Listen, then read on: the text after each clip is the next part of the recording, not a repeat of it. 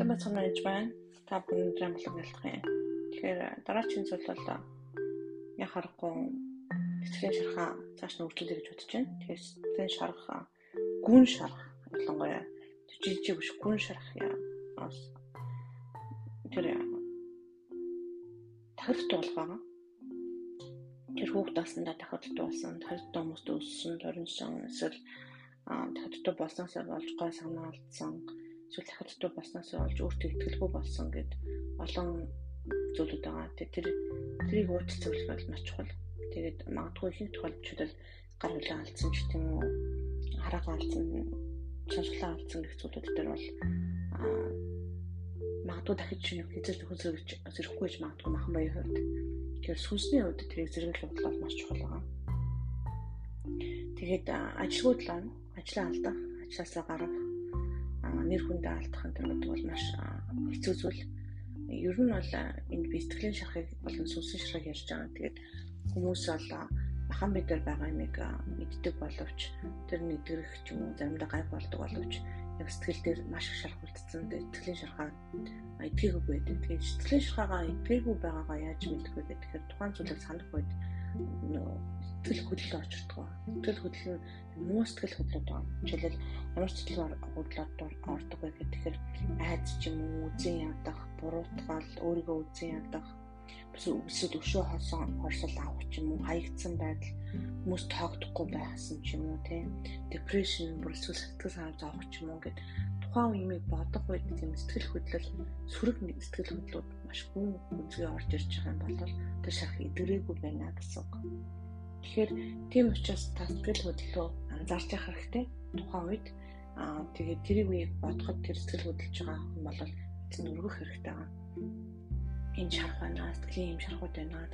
Надад та харуулж өгөөч ямар шарх байна вэ харуулаад тэгээд үнэхээр эцэс гуйх хэрэгтэй. Эцэн минь та энэ цаг мөчд үнэхээр энэ сэтгэлийн шархыг итгэж өгөөч, чөлөөлж өгөөч гэж асуух хөдөлж чухал. Тэгээд яг юунаас болоод гэдгийг заалах хэрэгтэй. Одоо жишээл хүн утгалж исэн хүн болохоор би хайсандаа болоо тэр хүний утгалцсан маа гэж хэлж байсан.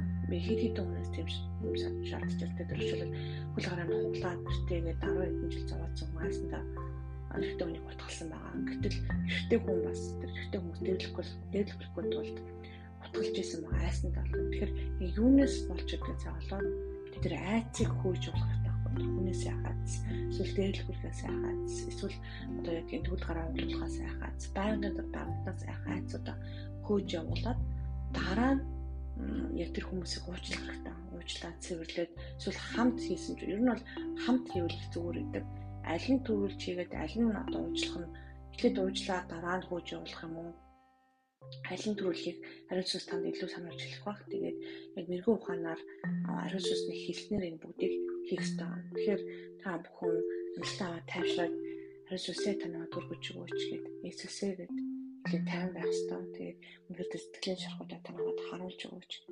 Өнөөдөр эдгэрээгүй тийм шархаа бол та эдгэж өгөөч гэд сануулах хэрэгтэй байна. Тэгээд ялангуяа осол аваар ч юм уу тий ордон тохиолдож байсан зөвл алдаа байгаа маш тийм уналтанд орсон. Өөрийнхөө буруугаас бороод болоод одоо шатсан ч юм уу өөрийнхөө буруугаас болоод бурууд хийгээ цалсан ч гэдэм юм алдаа дутагдлуудаасаа болсон өөргөө голсон эсвэл хүнд гологдсон.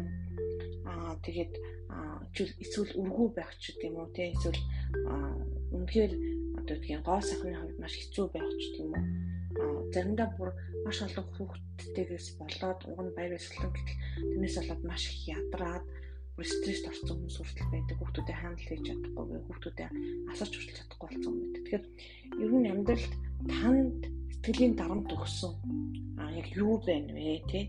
Яг юу байна вэ? Салалт уу? Дарамтууд уу? А эсвэл үхэл хавцлаа гэдэг олох хавтал чухал.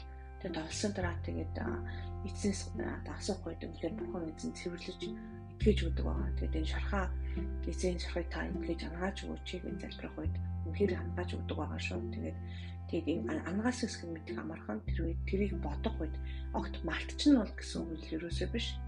А мартахгүй тухайн үед болсон болсон. Гэхдээ тэрнтэй холбоотой эсрэг сэрэг одоо сэтгэл хөдлөлүүд бол багасах ангиа багасна сүултээ бүр алга болох хэвээр одоо жишээл ичүүр байсан гэж бодоход огт ичүүр байхгүй би үнэхээр эзэн итгээсэн гэдэгт бол үнэхээр ойлгох гэсвчүүл абортн дээр одоо тэрийг бодох үед бортыг бүрэн эдгэх үед янз бүрийн өвглийн сүнс байхгүй болсон. Тэгээд дээрэс нь өөрөө тэрэндээ ямар ч юм одоо миний буруугийн буруу эзэн Иесус Христ Иесусаар үнээр бүр угаагдсан цэвэрлэгдсэн гэдгийг ойлгосон.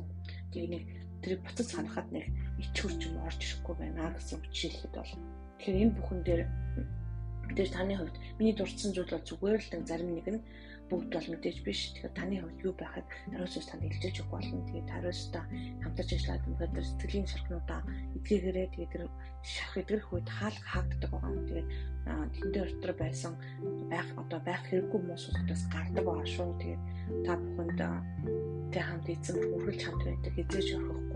Тэгээд хариуцлагатай хамт ажиллаарай гэж амралтмаар баярлалаа. thank you